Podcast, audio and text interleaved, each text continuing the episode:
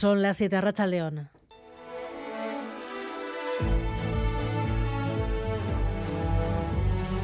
Gambara con Arancha García.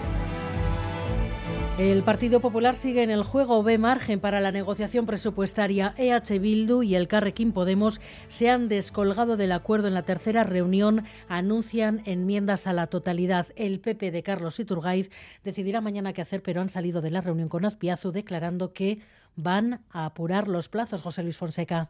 Sí, aunque no han recibido nada relevante ni suficiente en torno a sus propuestas, aunque el Gobierno no ha hecho un esfuerzo, decían, PP Ciudadanos ve margen negociador en los presupuestos, eso sí, a través de su tramitación parlamentaria y las enmiendas. Mañana decidirán al respecto. Con quien sí se cierra el proceso negociador es con H. y el Carrequín Podemos IU.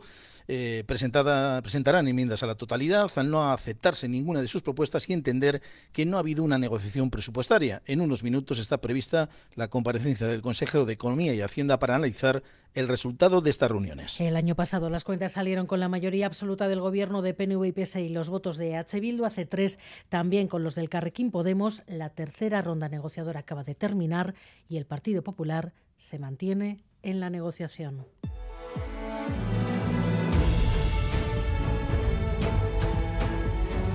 El Partido Popular, única opción potencial en estos momentos de que un grupo de la oposición apoye los presupuestos vascos y en Madrid a Pedro Sánchez le sobran apoyos. Solo falta Esquerra. Esta mañana han confirmado los sí de PDCAT y EH Bildo. La coalición soberanista ha cerrado un pacto global con anuncios de marcado corte social como la prórroga al tope de la subida de los alquileres y del incremento de las pensiones no contributivas. En unos minutos entrevistamos aquí en Gambara Mercedes Purúa y vamos a tratar también de explicar la letra pequeña del acuerdo hipotecario que va a permitir a las rentas más bajas retrasar el pago de las cuotas. Beneficiados los que ganen menos de 29.000 euros y dediquen el 40% de sus ingresos al pago de la hipoteca. Ese es el titular, pero a partir de ahí hay que precisar. Primero, está pendiente de que ahora los bancos se adhieran depende de las entidades financieras tomar las decisiones. Ahora bien, yo espero que todas las entidades financieras activas en el ámbito hipotecario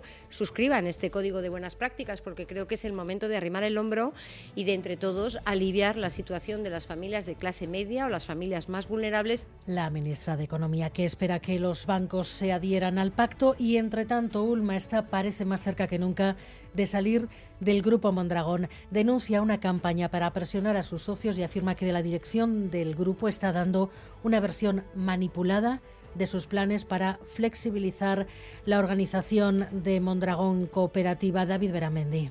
Sí, ya es oficial. Los casi 2.800 socios de Ulma votarán este próximo 16 de diciembre su salida de la corporación Mondragón. También si reemplazan su vínculo actual por otro modelo basado en convenios de mutuo acuerdo. En este punto, Ulma denuncia en una nota de prensa ser objeto de una campaña de presión por parte de los responsables de Mondragón.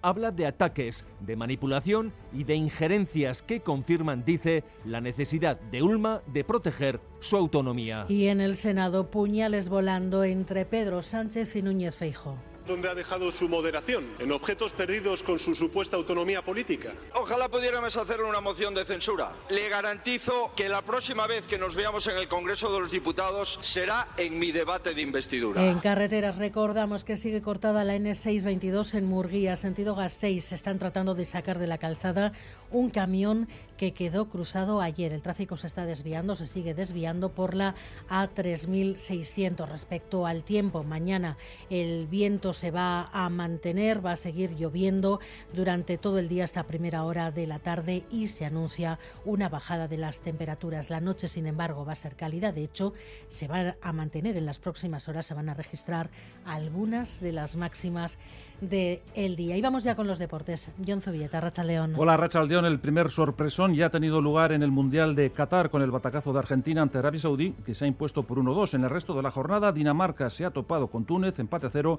y México ante Polonia con el mismo resultado. A las 8, Francia, Australia. Asimismo, el Manchester United ha anunciado el adiós de Cristiano Ronaldo a rescindir su contrato de mutuo acuerdo. Sucede días después de unas declaraciones del portugués en las que dejaba ver el mal ambiente que percibía a su alrededor. Además, esta mañana se ha presentado el campeonato de mano parejas con la inclusión de Aitor Elordi y Pello Echeverría. Se quedan fuera Ribarría y Elezcano en un torneo con novedades en su formato. Y dentro de una hora y media aproximadamente, el Vidasoa se enfrenta en Nartalecu al HC Motor Zaporilla en busca de su segundo triunfo en la competición europea.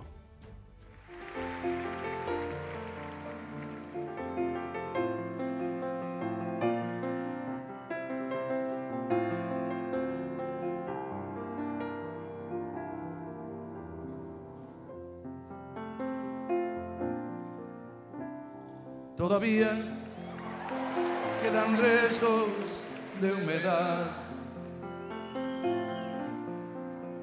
Sus olores Tan poeta como músico Pablo Milanés ha fallecido esta pasada madrugada a los 79 años. La Casa de América en Madrid se prepara ya para acoger la capilla ardiente del cantautor cubano a partir de mañana. Milanés nos deja 40 discos, más de 400 canciones sobre la vida, el amor, la ausencia, la política, canciones que son prácticamente himnos como esta que están escuchando, El breve espacio en que no está.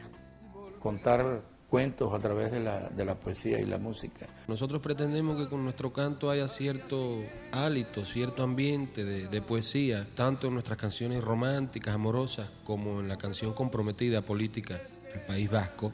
Entonces nos da oportunidad de conocer a todo este pueblo. Y es un público, es un pueblo que siempre ha tenido mucha afinidad con nosotros y a nosotros nos interesaba muy en especial hacer una gira por aquí. Por lo tanto, en ese sentido hemos sido complacido. En la medida en que uno trata de ser auténtico, también trata de reflejar el mundo exterior. Y no lo puede reflejar si no vive en él y, está inmerso en todas esas contradicciones que a veces son hermosas y que a veces son desgarradoras. No comparte una reunión, le gusta la canción que comprometa su pensar Todavía no te quedarás. Tengo mucho la respuesta. Paul Asensio y Alberto Zubeldia están en la dirección técnica, Cristina Vázquez en la producción.